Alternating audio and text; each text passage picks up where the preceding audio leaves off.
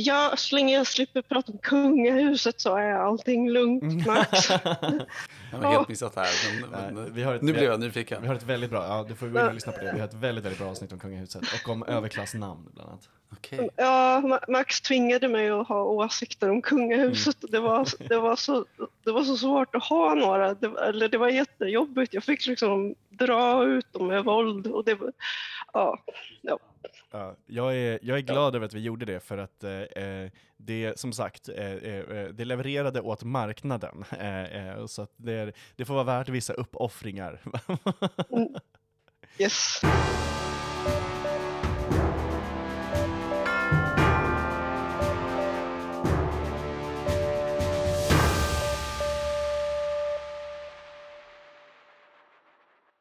Hej och varmt välkommen till ett specialavsnitt av Tyckpressen. I den här eftervalsspecialen intervjuar jag tre rödgröna profiler om vad som egentligen hände den 11 september. Jag heter Max V Karlsson och med mig idag har jag Henrik Jalalian. Laila Vianden. Linn Svansbo. Dela gärna den här podden med andra. Intervjun finns också som en artikel på E etc.se. Vad var det som hände den 11 september? Ja du. Um, ja, men först och främst så förlorade ju vår sida valet. Och det tycker jag kanske ändå, sista två veckorna kändes det som en ganska väntad utgång. Jag tänkte två, det var ungefär två veckor innan valet som, som Putin eh, ströp gasen till Europa. Och då, då tänkte jag direkt när jag såg det, nu kommer vi förlora valet.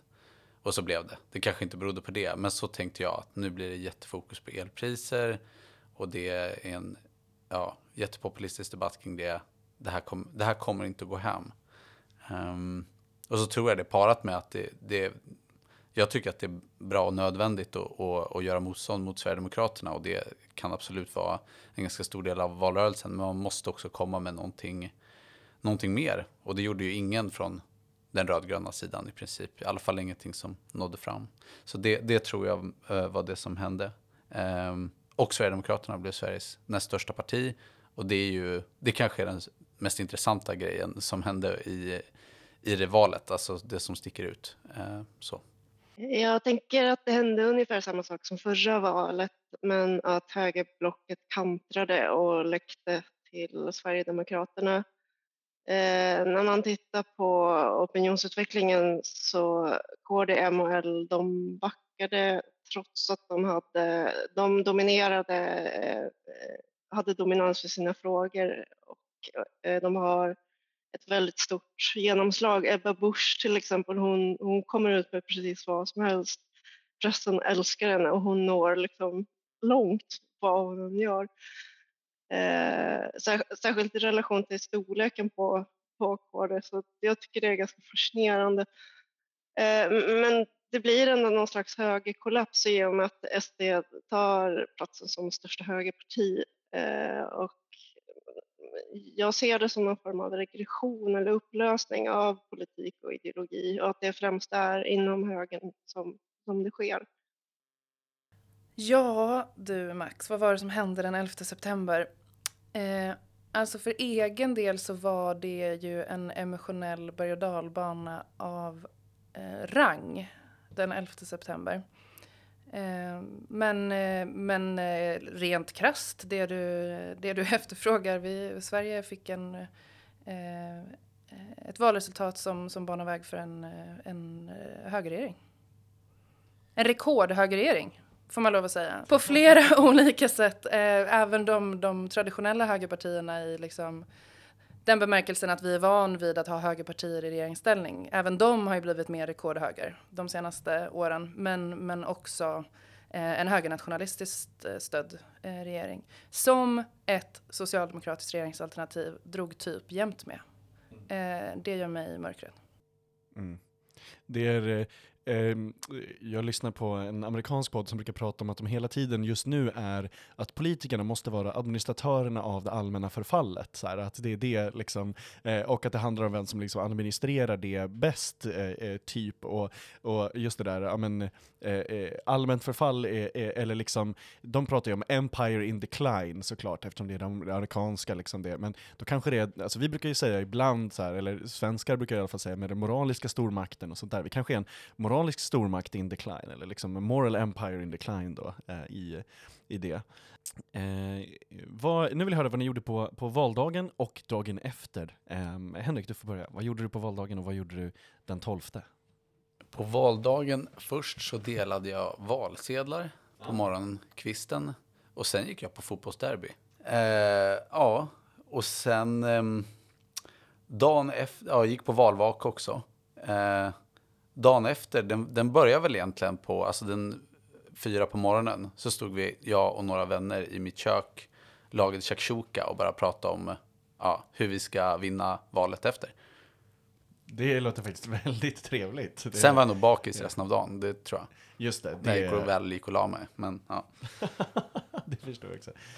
Jag tog en promenad i skogen. Jag hade en känsla av att det inte skulle gå jättebra för vänstern så jag försökte koppla bort det. Men så, så hade jag också textlämning just om valresultatet på, på måndag morgon. Så sen när, eh, ja, när valvakorna satte igång då satt jag hemma ensam följde räkningen och, och försökte få ihop någonting. Och sen, eh, ja, jag tror det var klockan tre på natten så hade jag väl där, ja, men när man jobbar så har man ändå fokus på att jobba men klockan tre på natten var jag tvungen att väcka min man för att krama honom för jag var ändå, jag var lite ledsen ändå där. Och sen så fick jag gå upp jättetidigt, korra texten, gå till jobbet och där var det eh, en väldigt turbulent och dramatisk dag med jättetuffa besked och dramatiska insjuknanden och sådär.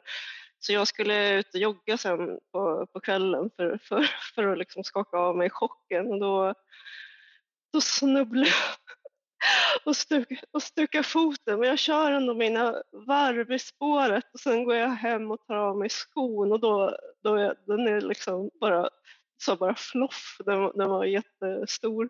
Så det var, det var, det var så jag smälte val, valresultatet. Mm. På valdagen knackade jag dörr först hela dagen. Jag ringde väljare. Eh, jag var i... Ja du, vart var jag på valdagen? Eh, Rinkeby valcenter och sen knackade jag dörr också i Västerort. Jag vet faktiskt inte exakt. Dagarna flöt ihop lite här på slutet. Eh, nej men vi, vi mobiliserade väljare som bara den ända in i kaklet. Liksom. Eh, och inte minst i områdena där valdeltagandet är traditionellt lågt. Liksom. Hade faktiskt en hel del samtal, även på valdagen, med människor. Att, att vi liksom, att lyckades få folk till vallokalerna. Inte minst med människor som inte är svenska medborgare och inte känner till att de får rösta i kommun och region. Så en vanlig det. kunskapslucka mm. som vi försöker fylla där på slutet. Nej, men så jag var ute och kampanjade Eh, satan och sen var jag hemma och piffade mig i ordning och sen gick jag och min kille och röstade. Eh, hamnade i en sån jävla kö på centralstationen ah. för jag tänkte att jag skulle rösta lite snabbt innan valvakan. eh, det tog tre och en halv timme. ja, exakt. eh, rookie mistake. Nej men så att eh, vi stod i kön på centralstationen eh, minglade lite med väljare, man får inte kampanja där. Nej, Men det var ändå trevlig stämning. Så jag gav bort en sossepinn som ah. satt på min kavaj till en kvinna som eh, uppenbarligen var, var, på min sida så att säga. Eh, nej, och sen gick vi till valvakan. Och så var jag på valvakan eh, och först var det ju, jag ska inte säga glatt, men eh, ändå inte deppigt. Det var liksom fortfarande så att det var lite glöd i bra, brasan typ? Ja, jag var inte alls lika lugn som jag tyckte att många var. Eller du vet, sen om man gick runt och snackade runt. Så bara, ah, hur känns det? Hur är läget?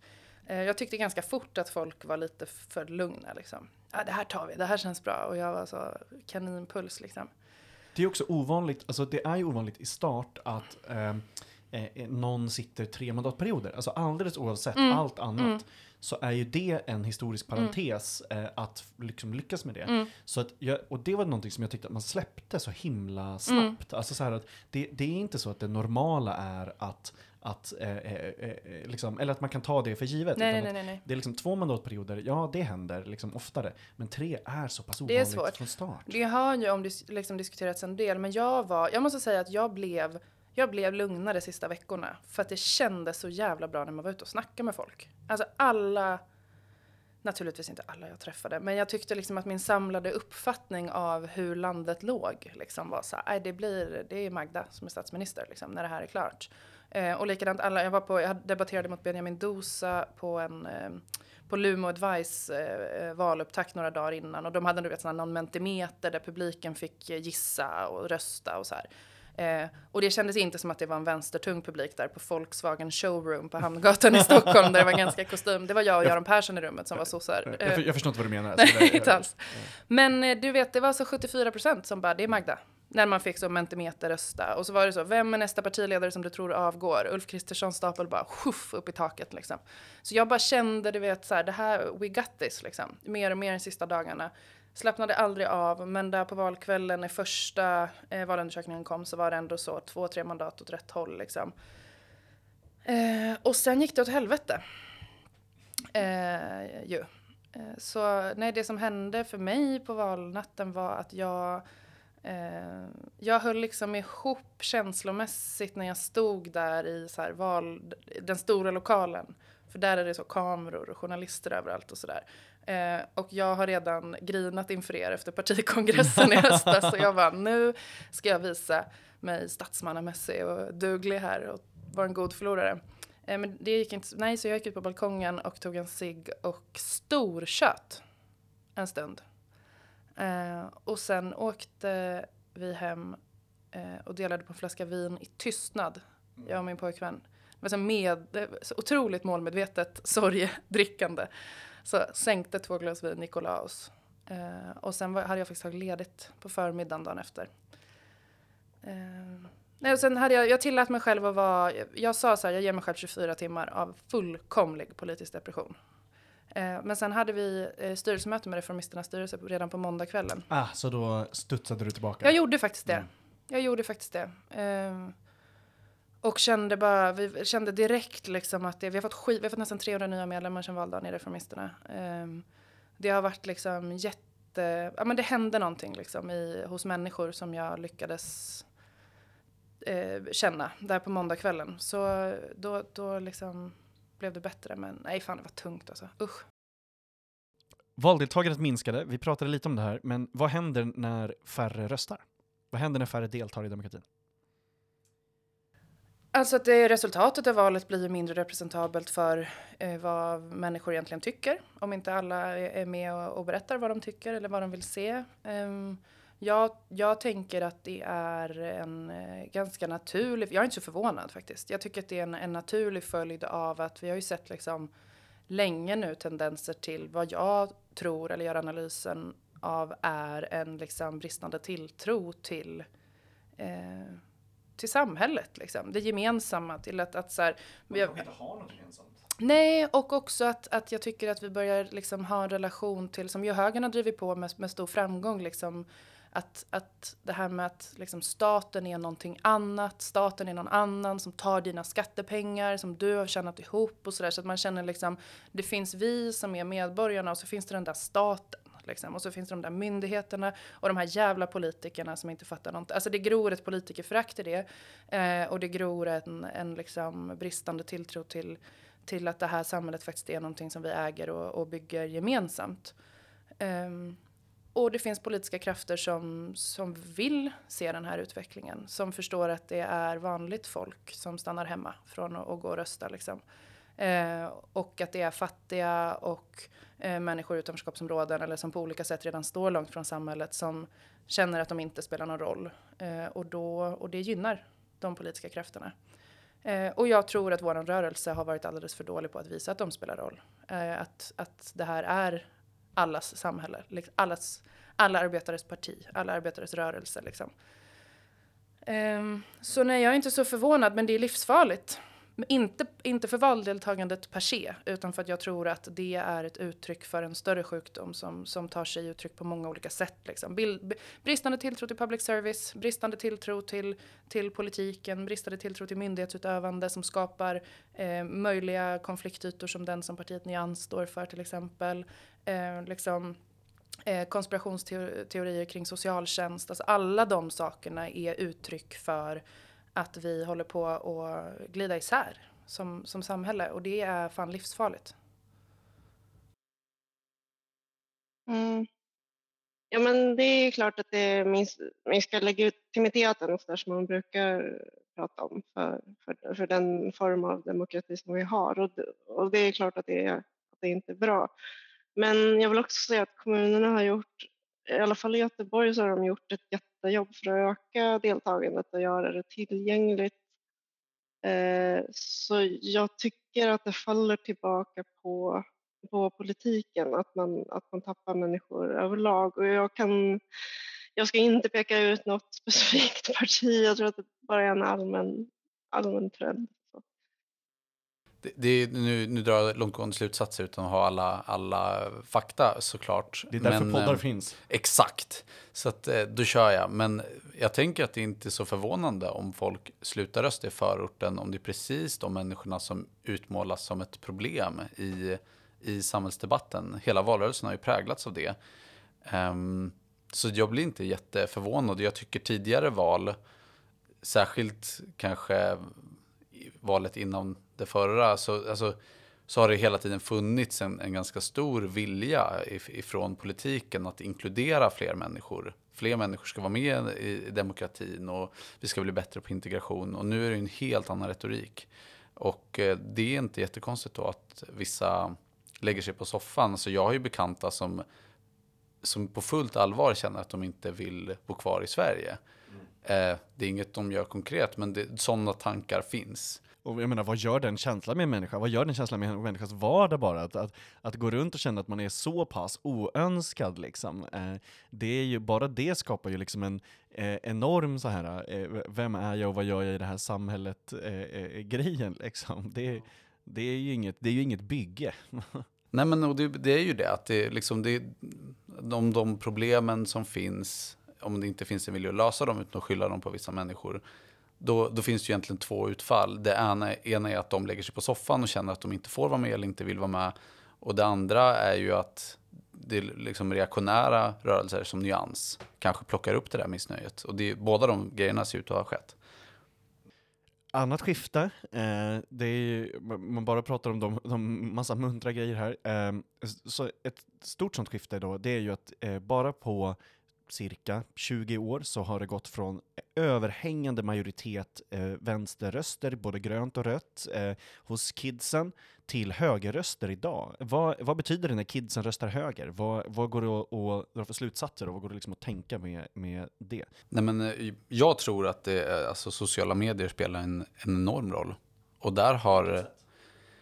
Där, därför att det är väldigt många unga som får sin information där, särskilt unga killar. Jag jag tror att YouTube kanske fortfarande eh, tänker i sina algoritmer att jag ska vara en ung kille. Och jag får ju väldigt mycket reklam, liksom Jordan Peterson. Alltså det finns inget alternativ. Du är ju ett, en person som, som föregår med gott exempel som faktiskt finns på Twitch och, och sådana saker. Men annars upplever jag att det finns väldigt många, alltså det finns väldigt mycket content från högern och det blir aldrig emotsagt. Det finns inget alternativ ens om man är lite nyfiken.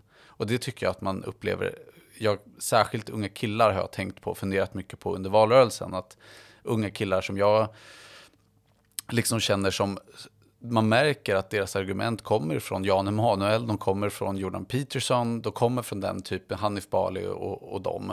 Expressens nya medarbetare Hanif Bali. Exakt, grattis. Ja. Um, och, och då tänker jag att ofta så, så, finns det en medvetenhet hos de här killarna att ja, men de är ju lite extrema, ja, de tar ju ut svängarna väldigt mycket. Men de har inte hört motargumenten och det tror jag vi verkligen måste ta med oss. Att vi kan inte lämna walkover på, på sociala medier eller på Och sen, sen, kan man ju diskutera vilka som är de viktiga. Man kan ju dra för stora växlar på det där också. Men jag tror det är en stor trend. Eh, ändå. Att, att högernarrativen är det som liksom präglar det de är ändå. Liksom. Jag tror det. Success stories, enskilda grejer, rikedom, pengar eh, och sen typ högerpolitik. Men, men, bara ta en sån grej som Flashback, mm. som är jättestort. Och även, oavsett vad du tycker politiskt, det är många människor som är på Flashback. Och det har ju i åratal, över ett decennium, varit liksom väldigt högerextrema narrativ som har dominerat det. Jag tror inte att alla blir, går att bli högerextremister för att man går in på Flashback. Men det gör något med narrativet i samhällsdebatten. Och där har vänstern och gröna och alla väldigt mycket att jobba med. Jag tror att det säger flera saker. För det första så tror jag att det är jävligt viktigt att vi har med oss och kanske inte minst eh, den äldre generationen ledarskap i, i svensk arbetarrörelse och vänster just nu. Att det här är en generation unga vuxna som är stöpta i ett ultraliberalt och marknadsextremistiskt samhälle. Alltså det här är en generation människor som har lärt sig att om man ska ha någon pension, då ska man spara till den själv. Om man ska ha en schysst skola, då gäller det att välja rätt. Eh, om man ska lyckas i livet så är det upp till dig och du kan minsann på egen hand om du bara vässar armbågarna tillräckligt mycket och läser entreprenörskap i skolan och skriver you go girl på spegeln med läppstift tillräckligt många. Alltså det är liksom, det är inte så konstigt att eh, vi har en generation eh, människor i Sverige som inte har tilltro till vårt sätt att se på hur man bygger ett starkt samhälle, liksom, eller ja, alla de här sakerna. Eh, för de är tränade i borgarnas logik. Jag tror att det är liksom olika grejer om man kollar på olika grupper unga. Eller jag tänker på de här liksom, eh, 19-åriga eh, unga byggarna som jag träffar på Byggnads ungdomskonferens till exempel. Som är så här, jag tänkte på det nu när jag var ute på vår ungdomskonferens för några veckor sedan. För de är, det är ofta den första fackliga aktiviteten de är på när de är hos unga byggare. Liksom. Och då tänkte jag på det, så här, det här är verkligen ett gäng som lika gärna hade kunnat hamna hos SD. De bara råkade hitta oss först. Mm. Liksom. Eller de blev organiserade av fackföreningsrörelsen istället. Men det är de kidsen som vi tänker på när vi tänker på SDs unga 19-åriga yrkesutbildningsgrabbar liksom, som kör epatraktor och hänger på Discord och allt. Liksom. Um, men de hittade oss först, så att jag tänker att det är liksom... Uh, men det är ju en grupp som, de är ju röda.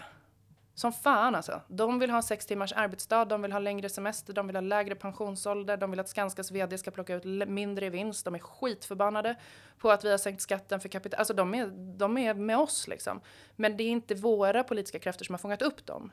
Um, Vilka sammanhang skulle de liksom vända sig till i det? Alltså, så här, det ja, exakt. Det, vi har inte varit där. Liksom. Nej, absolut um, inte.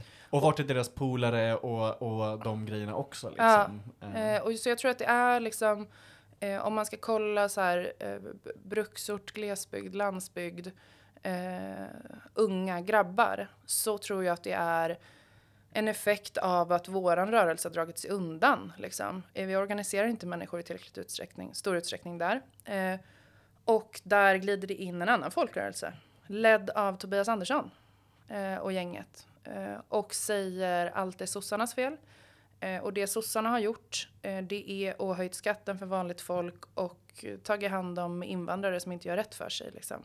Det finns, en så, det finns ett sånt otroligt hat mot socialdemokratin. Ja, verkligen. Jag tror, Sosse jag tror är ett skällsord. Ja, exakt. Ja. Jag, tror, jag, men, jag tror att alltså, på samma sätt som Demokraterna i USA underskattar hur många som verkligen hatar Hatade Demokraterna. Clinton. Ja. Ja, hatar Clinton ja. men även Demokraterna ja. i sig. Liksom, så tror jag att man, man underskattar, ja. sossarna underskattar hur många som hatar sossarna. Jag håller med.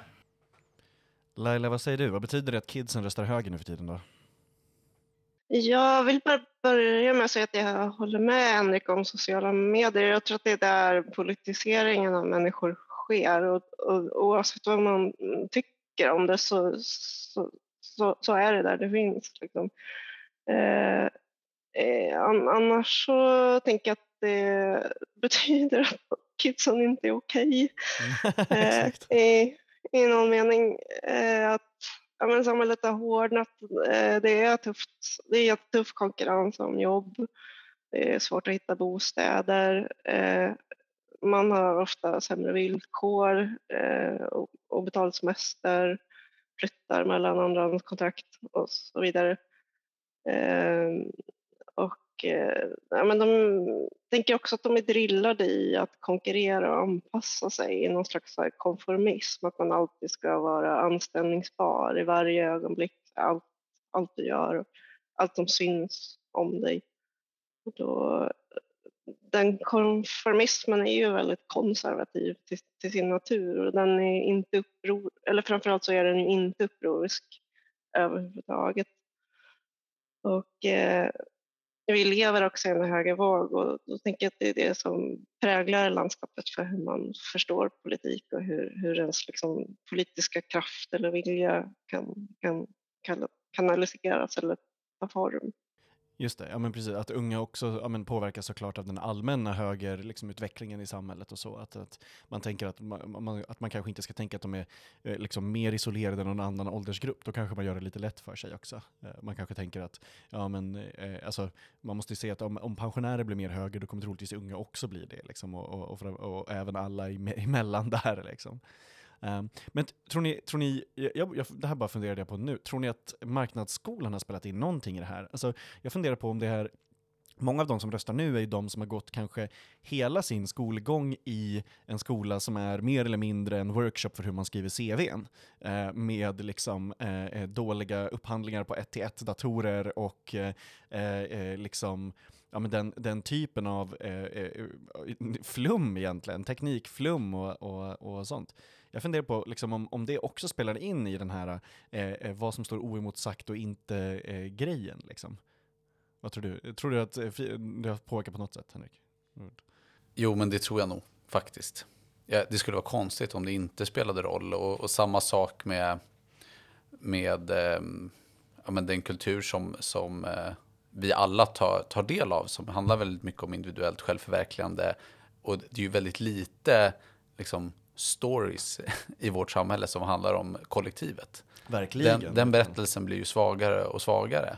Men... Um, Folk ska lära sig gitarr på YouTube istället för att gå i kommunala musikskolan. Verkligen. Mm. Men jag tänker om man ska vara lite... Gud vad bara, när jag bara sa den där meningen, det kändes jättemörkt. men, men jag tänker det, om man ska se lite hoppfullt på det så kan det ju också vara en öppning för ett positivt. Alltså sådana där, när, när vi har en väldigt stark rörelse från samhället så, så öppnar ju det upp också för ett motstånd eller för, för alternativ. Det finns nog en oro hos många unga att, att hänga med i den här individualismen. Eh, men där tror jag också att det finns möjlighet att skapa Ja, men alternativ. Ja, men jag tror det. Att. För jag tror att många upplever en lättnad när man känner att jag behöver inte vara med i det här racet. Liksom. Jag hade ett sånt otroligt bra samtal med en ung tjej i valrörelsen som är ett av mina bästa tror jag i år. Eh, som var typ en sån tjej, ja, men jag tror att hon hade gått liksom, hon har gått ekonomiprogrammet på typ Torén Business School eller något. Hon och hennes morsa kom med en yogamatta på axeln i hyresrättsområde på Kungsholmen. Så det var ändå hyresrätter men de bodde på Kungsholmen liksom. Och de parkerade cyklarna i, i cykelförrådet så jag började så snicksnacka lite över att de parkerade. Så här, Glöm inte att gå och rösta på söndag typ. Och då gick den här dottern in i cykelförrådet precis när jag pratade med mamman. Och hon bara, morsan säg till dem att du inte vill ha höjd skatt. Typ. Så gick hon in och parkerade cykeln. Och då skrek jag bara tillbaka så här, du kolla vilka som får sänkt skatt med dina politikers förslag. Och så kom hon ut och sa, vad sa du? Och hon var skit, hon var påläst men liksom tuff. Så här. Vad menar du? Äh, men jag tycker bara att man ska jobba hårt och så här, det är klart det ska löna sig att arbeta. Jag bara, tror du inte att undersköterskor jobbar hårt? Exakt. Så här. Jo, alltså, det skulle ju kanske kunna vara så. Jag bara lekt med tanken att de jobbar hårdare än de som har ärvt en villa i Danderyd. Skulle det kunna vara så? Ja, så här. Och så gick jag igenom, liksom, för hon ville lyssna och var ändå på så här. Så visade jag så här, hur Moderaternas förslag på skattesänkningar på kapitalspar faktiskt fördelar sig. Så här, ja, jag bara, om du har 50 000 spänn då får du 3 kronor i månaden. Om man har 50 miljoner då får man 3 125 kronor i månaden. De har lurat dig. Liksom. Men du vet, den... Du är grundlurad. Du är grundlurad, men den så här, identifikationen i att bara vara någon som är så här, jag röstar på ett parti för oss som vill lyckas. Visste du att 90% av medierna i Sverige är borgerliga? Samtidigt har extremhögern byggt upp en hel pamflett av propagandasidor. Dagens ETC är dagstidningen som ger hopp och ryggrad att stå emot den blåbruna sörjan. Sveriges enda röda dagstidning för en grönare värld. Testa att prenumerera idag på etc.se.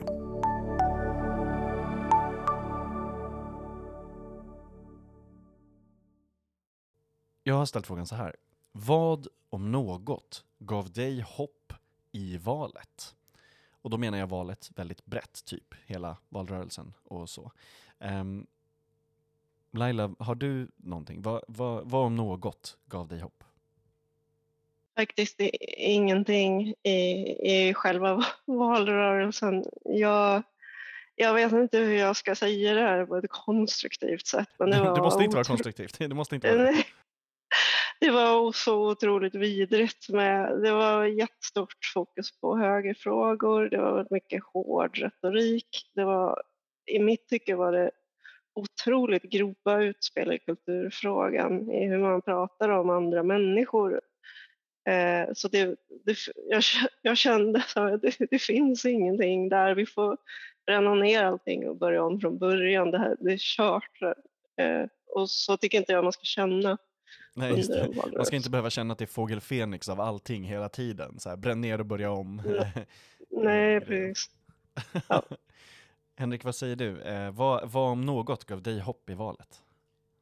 Mm, nej, men jag tycker att, eh, tvärtom. Jag fick jättemycket hopp av en, en massa, men särskilt människor. Alltså så försöker jag tänka på det, att det finns ju så otroligt många människor som, eh, som gör bra saker och, och som kämpar på och, och nu också med allt mer motstånd, vilket jag tycker gör det ännu mer eh, beundransvärt faktiskt. Så att, alltså, jag har fått, jag tror att alla vi som har varit aktiva i miljörörelsen har liksom fått öva väldigt mycket på att hitta hoppet. För att ja, men rent om man tittar liksom på klimatmodeller och annat så finns det inte så mycket hopp. Det, det, Maktbalansen det också ser kanske. väldigt alltså, mörkt ut. Den Goliat ni har att slåss mot liksom. Ja men visst, och då har jag liksom försökt lösa det för att jag vill inte gå runt och vara en hopp, liksom person som känner hopplöshet genom att eh, ja, men alla, alla människor som man känner som man vet ägnar sitt liv åt det här och verkligen bryr sig och, och, och kör på. Och där tycker jag att att eh, där, där hittar jag mitt, mitt hopp. Det låter kanske lite klyschigt och, och cheesy och sådär. Men, men, och det tycker jag också att, att det är skillnaden på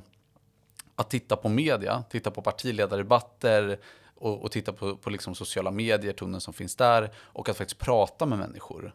Att liksom kampanja.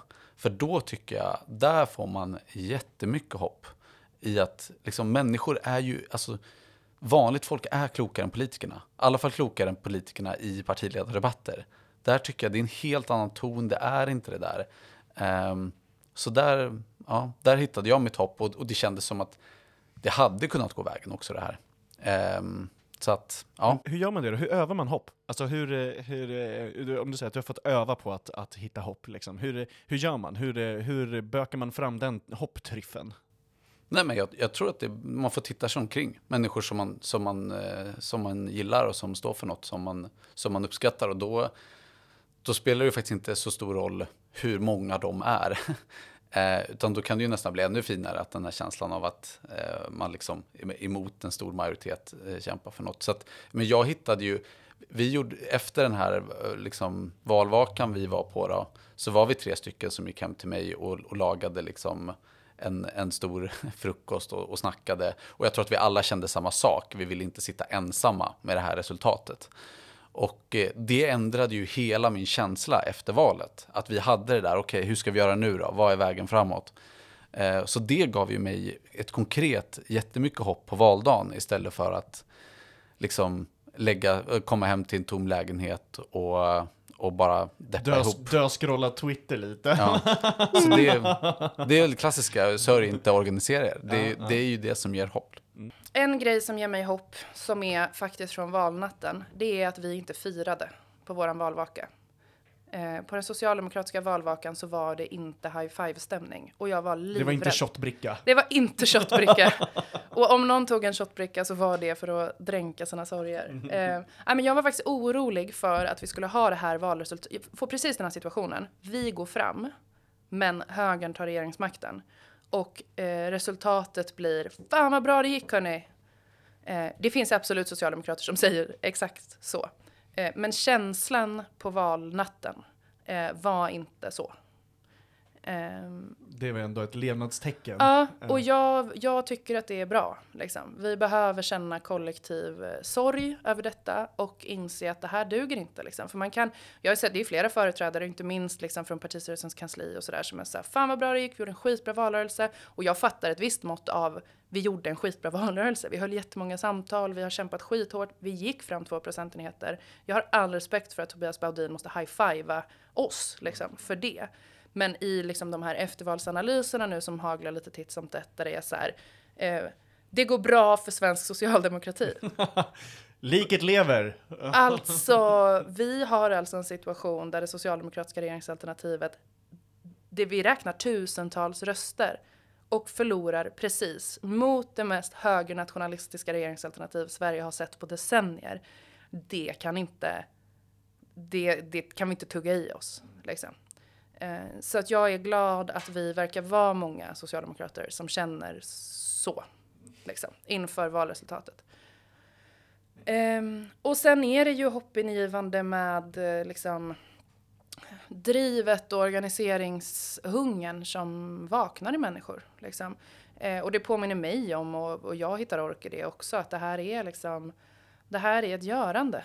Det, det, blir bara, det blir bara det vi gör det till. Och det gick inte hela vägen nu, men det här är ju en möjlighet eh, bättre än på länge att visa Sverige vart den politiska konfliktlinjen finns och vilka som är bovarna och försöka organisera svensk, svensk arbetarklass kring det. Liksom. Och det tror jag att vi har bättre förutsättningar att göra nu och det gör mig eh, hoppfull.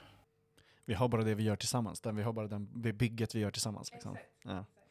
Um, om jag först frågar, uh, med väldigt gröna glasögon på, Eh, vad finns det att säga om valet och resultatet. Så här, vad, vad, betyder det här eh, valresultatet och vad, vad, betyder kanske då den här mandatperioden också med gröna glasögon på? Um, Henrik, du har redan på dig de glasögonen. Uh, vad, uh, vad, med dem på, vad, uh, vad är viktigt att veta om det här valresultatet med gröna glasögon? Nej, men jag tycker att, att vi ska vara extremt självkritiska.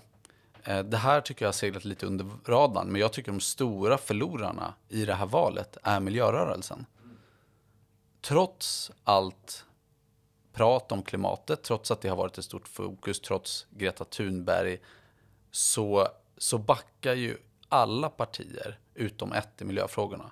Det går ju bara att konstatera att det är så. Um, och att, att partierna ser inga vinster med att driva miljöfrågor. Man ser snarare att man förlorar väljarna eh, på det. Och där, där finns det ju en enorm självkritik. Dels så tycker jag att det finns en kritik som måste finnas inom Miljöpartiet då, som har haft regeringsmakten. Att okej, okay, så, så, nu har man haft makten i, i, sju år och resultatet är, det beror ju inte bara på det, men det är ju en stor backlash mot miljöpolitiken. Då måste man sätta sig ner och fundera på vad skulle vi gjort annorlunda? Vad kan vi göra annorlunda för att få människor med oss? För annars slutar det så här. Man kan ha fått igenom jättemycket bra saker i regering. Men om det slutar med att människor tappar förtroende för, för klimatpolitiken eller liksom man inte får med sig folk. Då, eller att man förlorar. Exakt, då, då, då kanske det priset var väldigt högt då. Men det finns också en självkritik i, som, som handlar om miljörörelsen i stort att man också inte belönar partier som driver eh, miljöfrågor. Just det, Alla partier är lika ah, från, dåliga. Ja, ja, just det. Från, från rörelsens håll. Liksom. Att man, är, man är bra på att eh, eh, ja, stå där med, med, med piskan och säga det här är dåligt, men då när det väl skiftar eller när det händer någonting så kanske man inte underblåser det på rätt sätt. Nej men alltså verkligen inte. Alltså, man säger ju i princip alla är lika goda kålsupare. Och då, och då, då är det ju väl inte så konstigt sen att de, okej, okay, så man säger att alla partier är lika dåliga och sen röstar kidsen på M och KD. Så, så har det blivit. De, är de, de skulle få egen majoritet bland de unga. Där tror jag att den breda miljörörelsen också måste sätta sig ner. Och ja, gud, jag kan prata om det här hur länge som helst. Så jag hoppas jag inte stjäl, stjäl allt syre här. Men, men liksom... Det är ingen fara. Men det, men det finns ju någonting eh, i att, alltså att det som miljörörelsen har blivit är ju liksom vänstern på 70-talet. Det startas massa partier som man delar upp sig. liksom. Så det är, det är ju en sån sak. Och man, man, skapar inte nya allianser. Politik handlar ju om att bygga allianser. Vi, vi okej, okay, här är vi i miljörörelsen, vi tycker så här, vi är ganska lika. Hur kan vi bygga broar till fler grupper? Så att fler grupper tycker som oss. Just det. Och också typ kanske, vem är fienden? Exakt, vem är fienden? Och där kan man ju fundera på att så här, man, man sätter sig och, och ner på en väg och limmar fast sig. Man får väldigt många människor emot sig. Jag kan förstå varför man gör det.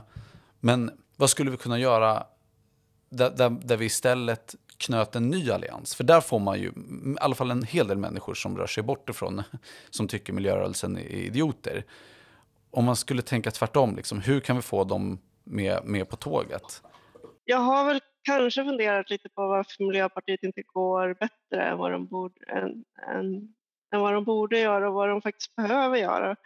Eh, för det behövs mm, mera grön politik. Det är jättenödvändigt och så.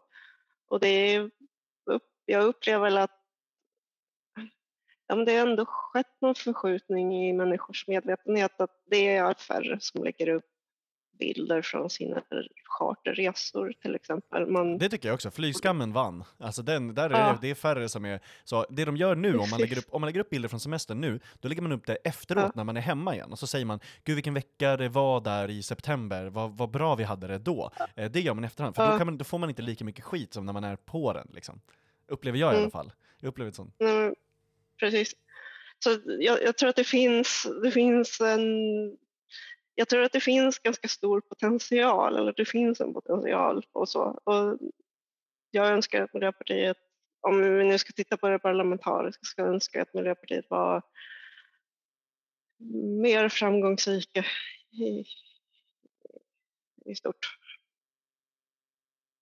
Jag skriver ju ledare ibland i Värmlands Folkblad och när jag började göra det så var jag lite orolig att hur, hur långt kan man gå här i, i att diskutera miljöfrågor innan att folk drar öronen åt sig? Och jag upplever eh, tvärtom, att, att folk är väldigt mottagliga för det och mottagliga för liksom eh, mer liksom drastiska åtgärder. Så, att, så att det, det, är klart att det finns... Man måste verkligen fundera på hur man får människor med sig. Och ibland så, så kan ju den där liksom systemkritiken få människor eh, att vända sig bort eh, och sådär. Men rätt formulerad så kan du få nästan vilken moderat som helst att gå med på Ja, fast alltså jag håller ju med, vi köper ju lite för mycket grejer. Man behöver ju inte så här mycket prylar. Alltså den typen av liksom common sense argument finns ju verkligen hos um, hos, hos breda folklager tror jag. Man gillar ju inte överflöd heller. Alltså folk gillar ju inte överflöd. Folk gillar inte liksom eh, överdriven lyx eh, heller. Liksom, lyx är fortfarande fult och det tycker jag liksom man kan värna. Det skulle man kunna kapitalisera på ännu mer. Att lyx är liksom inte eh, något nice. Eh, det, det, är fortfarande så att man tycker att någon är jobbig om de säger att jag unnar mig själv det här. Man bara, men tyst! liksom, du förtjänar ändå inte det. Ja, Luther är, är användbar kanske här, för svensk miljörörelse. Absolut. Ja. eh, Okej, okay, men eh, Laila, då får du ta på dig de röda glasögonen nu. Eh, du kanske hade dem redan, de, de är svåra att ta av sig tänkte jag säga. Alla sådana här ideologiska glasögon är svåra att ta av sig när man har dem. Men mm. vad, vad, finns det med, med de röda glasögonen att säga om, om valet och, och resultatet? Eh, och, och även kanske liksom, eh, tiden som komma skall? Mm. Om jag börjar med det positiva för, för vänsterns del så, här, så, så, är det att man får ungefär samma resultat som förra valet det, och det är jämnt mellan blocken. Det var, så, så är det. Eh, men det andra är ju, och det här, det är ju inte första gången den här frågan lyfts heller ifrån vänsterhåll. Att det, det, är väldigt, väldigt tråkigt att Socialdemokraterna inte pratar mer om rättvisefrågor och välfärd. Eller eh, hela den här förskjutningen av socialdemokratin eller liksom av mittfältet i svensk politik mot höger så här överlag. I, inte bara i, i värderingsfrågorna, att man, att man liksom beter sig hemskt i kulturfrågan utan också i den ekonomiska politiken att det finns en konsensus kring ett nyliberalt status quo som bara inte går att utmana. Det går inte att göra någonting åt det. Eh, och så. Det, man, det, det funkar inte längre. Man, jag tror att man, man måste bryta med det där och göra upp med det en gång för alla om man ska eh, kunna ta sig framåt som jag menar inte bara utifrån mandat utan också på ett meningsfullt sätt som en politisk rörelse som, som, som ändå ska vara någon form av klassbaserad ideologi. Där. Det är inte bara fint att arbetare är med i Socialdemokraterna och röstar på dem. De måste ju få ut någonting också av, av sitt stöd. Eh, och det här skulle jag kunna prata om väldigt länge. Jag har pratat om det många gånger, eh, men ja, det, det kanske räcker. Där tycker jag att det finns en jätteintressant analys att göra av vart socialdemokratin ska gå. För det är klart, hade man, jag antar att valstrategernas tanke har varit att vi, man kommer skamma bort de här grupperna där man faktiskt växer om man, om man kör en för, för stark vänsterpolitik. Men då till slut så underminerar man ju hela idén med sitt eget parti om man, om man aldrig ska våga, våga någonting. Och det, och det tror jag är alltså grundorsaken till att man förlorar valet är att man inte lyckas sätta agendan i en enda fråga. Jag kan inte komma på en enda valfråga där de progressiva partierna satte agendan. Och därför förlorar man valet. Så är det Ulf Kristersson har inte tillträtt än. Han har skickat en liten uppdatering till talmannen idag. Ehm, men jag skulle vilja fråga vad ni personligen, om ni fick möjligheten, one-on-one, on one, eh, eh, att säga något till den, den nya statsministern, vad skulle ni vilja säga? Hur fan sover du om natten, Ulf Kristersson? Eh, nej men jag är faktiskt genuint nyfiken. Jag funderade på det. Jag tror till och med jag skrev en tweet om det senast häromdagen. Jag funderar på om de A. Inte fattar vad det är de gör just nu.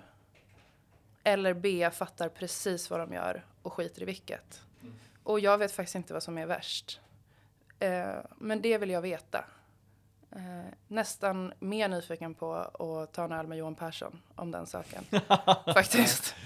Men, eh, nej men jag, jag undrar liksom hur snacket går. Och så här, handen på hjärtat. Hur känns det? Hur känns det? Alltså han, var inte, han blev inte engagerad i MUF. För att göra det här var inte den politiska gärningen han såg framför sig. Jag tror verkligen inte det.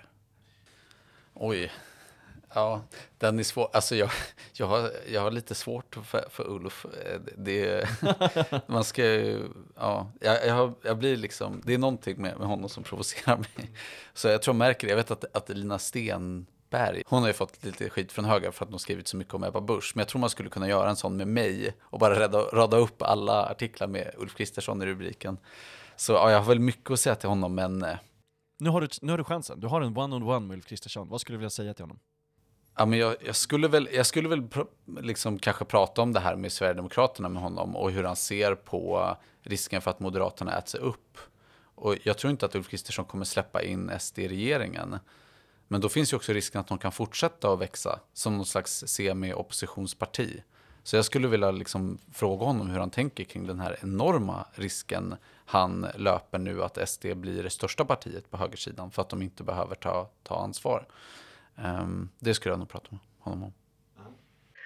Eh, jag undrar nog mest hur han prehabbar sina vader och liksom skador. För, alltså han är ute och springer väldigt mycket och, och, och, det är väl lätt att dra på sig grejer när man, när man gör det. Och så.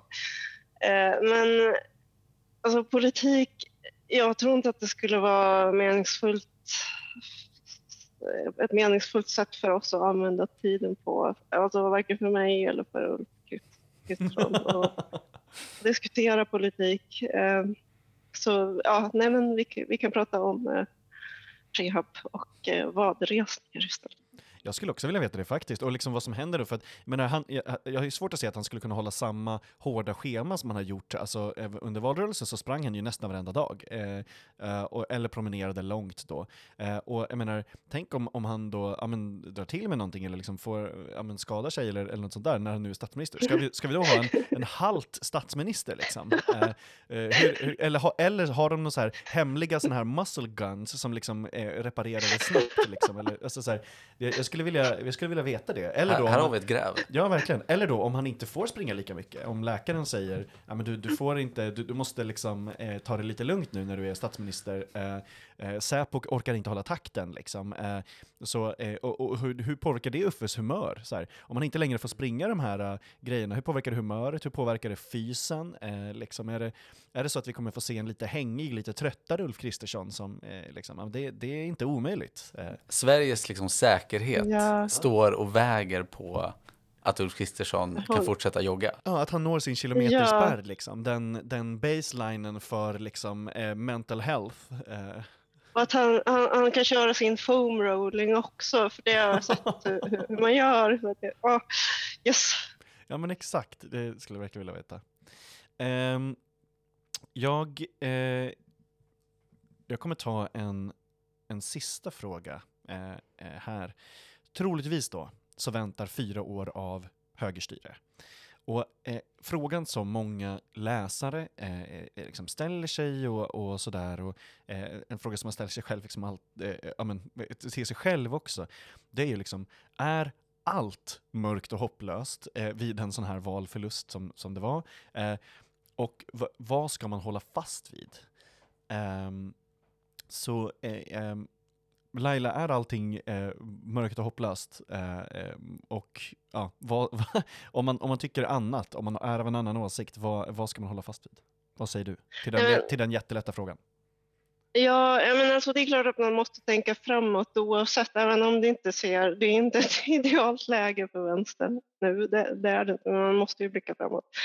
Privat så tycker jag att man ska vara snäll mot sig själv och hitta rutiner för mental hygien. Jag har många kamrater som är jättedeppiga just nu och då måste man så här, typ, vara lite snäll. Eh, politiskt så behöver man prata om hur man ska gå vidare, att det liksom inte funkar med mer, det, mer av samma som svar på, på alla frågor, för det har inte gjort det hittills och jag, jag tror inte att det skulle göra det ett val till. Eh, Eh, och jag, jag, tänker att vänstern behöver bli mera vänster. Vänstern behöver inte bli tydligare utan vänstern behöver bli mera vänster och ta en rejäl titt på hur man kan börja skotta igen klyftorna och liksom ställa om till en grön politik utan att det är de som redan har det tufft liksom, som drabbas hårdast av alla. Men framåt måste man och man måste fortsätta tänka framåt. Mm. Henrik, vad säger du? Är allt hopp och, eh, hopplöst och, och mörkt? Vi pratat lite om det eh, innan, men eh, är allt eh, mörkt och hopplöst och eh, vad ska man hålla fast vid? Ja, nej men allt är väl hopplöst, men, men man, får, man får hålla fast i, i varandra och att det finns så otroligt mycket kloka människor också eh, som, som gör bra saker. Det är ju ingenting som någonsin är skrivet i sten. Om det var så att man redan upplevde att allting var förlorat, då behöver man aldrig göra någonting. Och högern vill ju att man ska tänka så. Högern vill ju att man ska tänka ingenting går att förändra, allt det här är precis som det ska, eller som, som det är, eh, ingen reform går att eh, ta tillbaka och då behöver man inte göra någonting alls. Jag tror att det första man ska tänka är precis det. Någon vill att jag ska känna så här. Eh, fuck dem, nu gör jag något åt saken. Det är liksom det första. Men sen är det också, jag brukar i alla fall hålla fast vid eh, Ingenting händer av sig självt. Ingenting är av sig självt. Ingenting kommer vara av sig självt. Allting är en produkt av motioner som är formulerade i någon jävla S-förenings källarlokal och sen kommer politik ut. Eh, och vi måste göra oss, alltså anledningen till att det inte kommer bättre politik ur en socialdemokratisk partiledning, det är ju för att de har varit räddare för Centerpartiets riksdagsgrupp än för oss. Mm, än det sociala trycket. Exakt, det sociala trycket måste bli hårdare på de frågorna som vi tycker är viktiga. Och då måste vi, det är en produkt av oss liksom. Det är det andra. Och det tredje är att jag brukar tänka Herregud vad folk har försökt göra det här med sämre förutsättningar än vad jag har. Historiskt sett i mitt parti, i min rörelse, och det kanske är klyschigt och idealistiskt och naivt och fan vet jag, men folk har dött liksom. Jag kan åtminstone kavla upp ärmen och skriva en debattartikel till. Eh, eller liksom ringa en kompis och ta med den på ett möte eller gå med i ett parti i en S-förening som heter Reformisterna kanske. Mm, eh, men eh, folk har dött och folk dör nu. Liksom, I andra delar av världen, as we speak. Det finns så många socialister runt om i världen som hade, ja men som bokstavligen talat eh, dör. För att ha det vi har det är lätt att tänka att liksom det, det som sker just nu är liksom helt unikt, helt aldrig hänt förut, som att det inte går att lära sig då av en jättegammal rörelse och som man inte har gjort det förut. Liksom. Um, och, och, det är väl också en del av det här att eh, när, när samhället också blir väldigt, väldigt individualiserat, då tror jag att det också blir mer historielöst. Alltså mm. För att du har inte de banden. Det hänger inte till, ihop. Nej, nej. precis. Eh, eh, och liksom allting är, är bara där det är. Liksom. Eh, eh, eh, och eh, att man bara ska ta det för vad det är eller liksom dag för dag-grejen. Eh, eh, liksom. Men då, då blir det ju helt, eh, då blir det ju isolerat mer, liksom, även ur tid och, och sådana grejer. Um, jag tror att, jag tror att det är, är, jag tror att du har en god poäng i det högern upplever jag är rätt kassa vinnare i det här valet. De har liksom fortsatt med hatet, de har fortsatt med, med skiten och så, trots att de har vunnit. De har liksom fortsatt med sitt patologiska gnäll, ja. eh, eh, trots att de liksom faktiskt har, har vunnit. Um, hur kan en rödgrön vänster vara bra förlorare? Hur är man bra förlorare? För vi har ju förlorat. Ja, det har vi sannoliken gjort.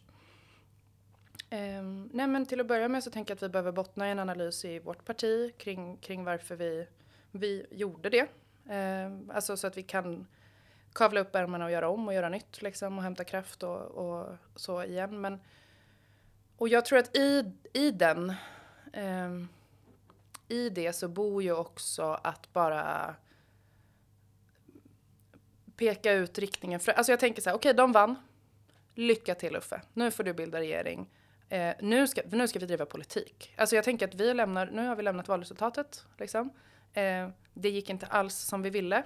Eh, jag är helt övertygad om att anledningen till att det inte gjorde det är för att vi på något helt sjukt sätt alltså existerar i en tid då Sverige ligger tvåa efter Sydafrika över listan på världens mest ojämlika länder.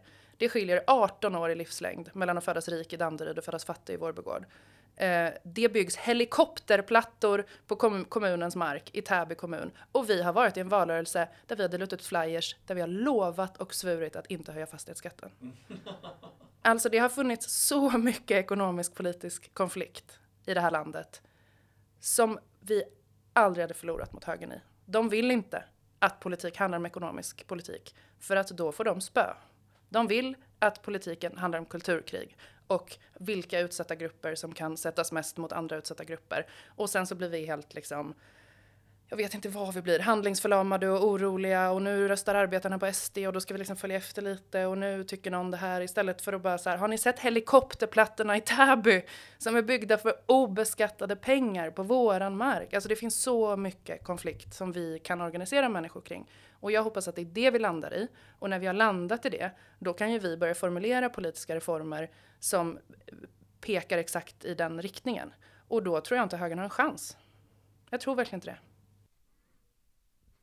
Tack för att du lyssnade på den här eftervalsspecialen av Tyckpressen. Tyckpressen är som vanligt tillbaka redan nästa vecka.